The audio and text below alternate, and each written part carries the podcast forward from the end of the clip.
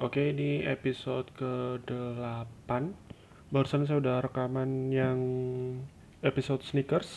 Eh, pilih ori atau KW. Terus sekarang saya mau langsung aja eh, membahas tema movies, yaitu saya mau membicarakan tentang rekomendasi film gangster yang tentunya yang pernah saya tonton ya. Eh film gangster saya nggak begitu banyak sih sebenarnya. Dibilang suka sih suka cuma kalau setelah nonton film-film gangster ternyata yang bagus tuh dikit. Eh rekomendasi pertama dan yang jelas yang harus ada adalah The Godfather satu dan 2 kalau misalkan merasa puas banget dengan satu 2 3 nggak usah ditonton tapi kalau merasa kurang baru 3 tonton. Karena 3 itu kayak bonus-bonusan aja. Dibilang ada sih ada tapi kalau nggak ditonton ya nggak apa-apa juga. The Godfather eh, Al Pacino kalau satu tuh ada Marlon Brando kalau dua itu ada Robert De Niro masih muda banget ya ini tuh filmnya tiga jam tiga setengah jam. Film renungan kalau buat saya film renungan karena memang lucunya. Dia itu banyak pesan-pesan tersembunyi yang malah jauh lebih banyak pesan moralnya loh dibanding film-film itu yang memegang teguh pesan moral itu harus ada. Ini justru mikir bikin merenung bikin melihat ke diri sendiri. Malah banyak ini hikmah yang diambil. Lucunya ya. The Godfather satu dan 2 eh temponya agak pelan. Mungkin nggak buat semua orang tapi kalau penasaran banget sama The Godfather satu dan 2 coba bersabar aja. Karena memang temponya pelan film lama kan. Dan memang rumus terbaik malah justru ya tempo tuh harus dibangun pelan-pelan. Kebanyakan Al Pacino di sini karena emang dia menurut saya memang terbaik kalau di film-film gangster kedua Scarface Al Pacino lagi. Ini tentang orang yang barusan kok eh, bukan barusan sih beberapa hari yang lalu saya nonton Kak Scarface terus kepikiran kayaknya seru juga bikin rekomendasi gangster. Scarface eh, Al Pacino mencoba meraih kesuksesannya dengan cara mafia, cara gangster dan pas dia udah di puncak dia akhirnya mulai merasa insecure. Jadi dia harus melakukan apa yang harus dilakukan agar tetap berada di atas. Ketiga, di Irishman. Al Pacino lagi, ada Robert De Niro, ada Joe Pesci, sama ini sutradaranya Martin Scorsese, Martin Scorsese, ya pokoknya Martin Scorsese itu ya. Saya nggak tahu cara bacanya ya maaf.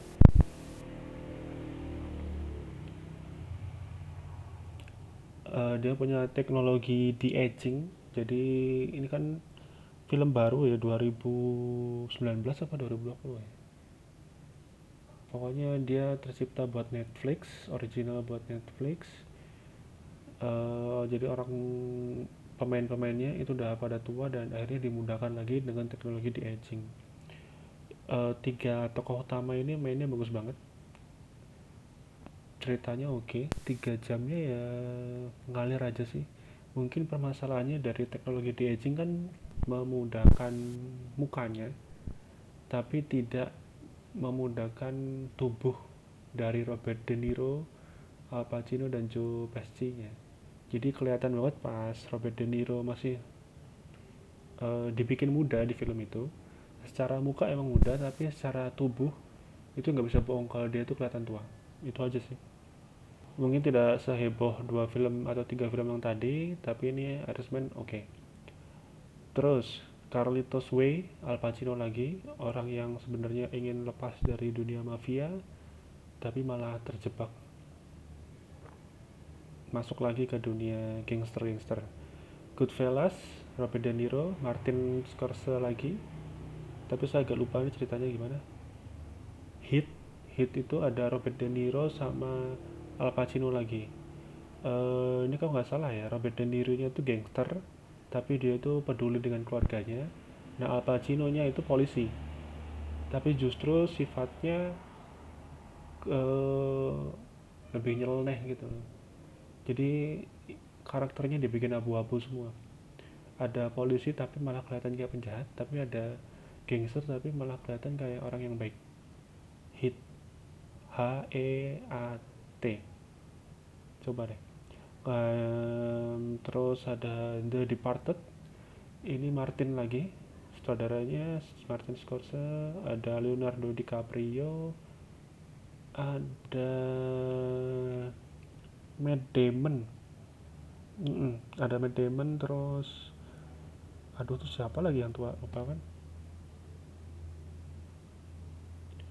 Uh, di Departed ini ceritanya ada polisi menyamar jadi anggota gangster dan ada gangster menyamar jadi polisi.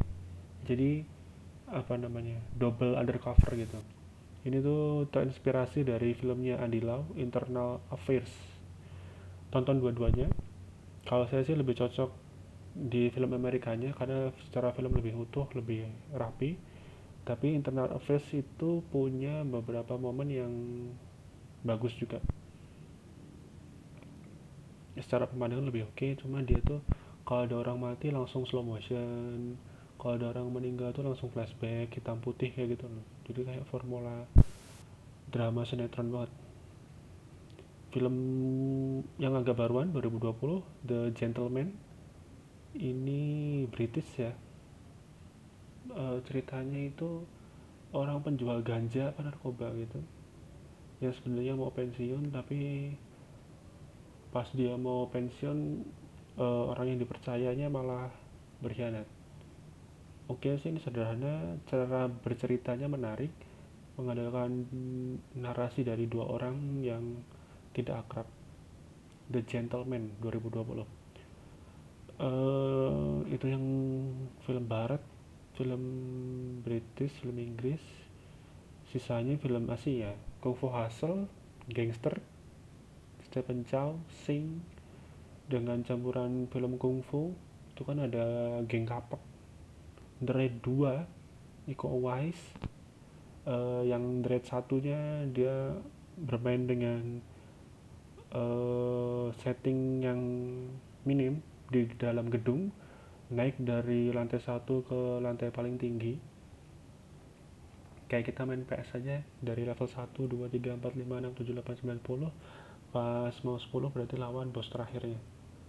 Terus ada Chasing the Dragon itu Donnie Yen. Itu juga lumayan. Terus apa lagi? Udah. Oh yang trade tadi kan ceritanya trade 1 kalau trade 2 kan dibikin kebalikannya dari trade 1 kalau Dread 2 dunianya luas banget tiba-tiba ada mafia Jepang tiba-tiba ada mafia ini tiba-tiba ada mafia ini. Untungnya ya untungnya filmnya bagus. Untungnya Iko Uwais luar biasa dan saya masih heran kenapa Iko Uwais filmnya masih dikit. Cut Taslim filmnya banyak banget.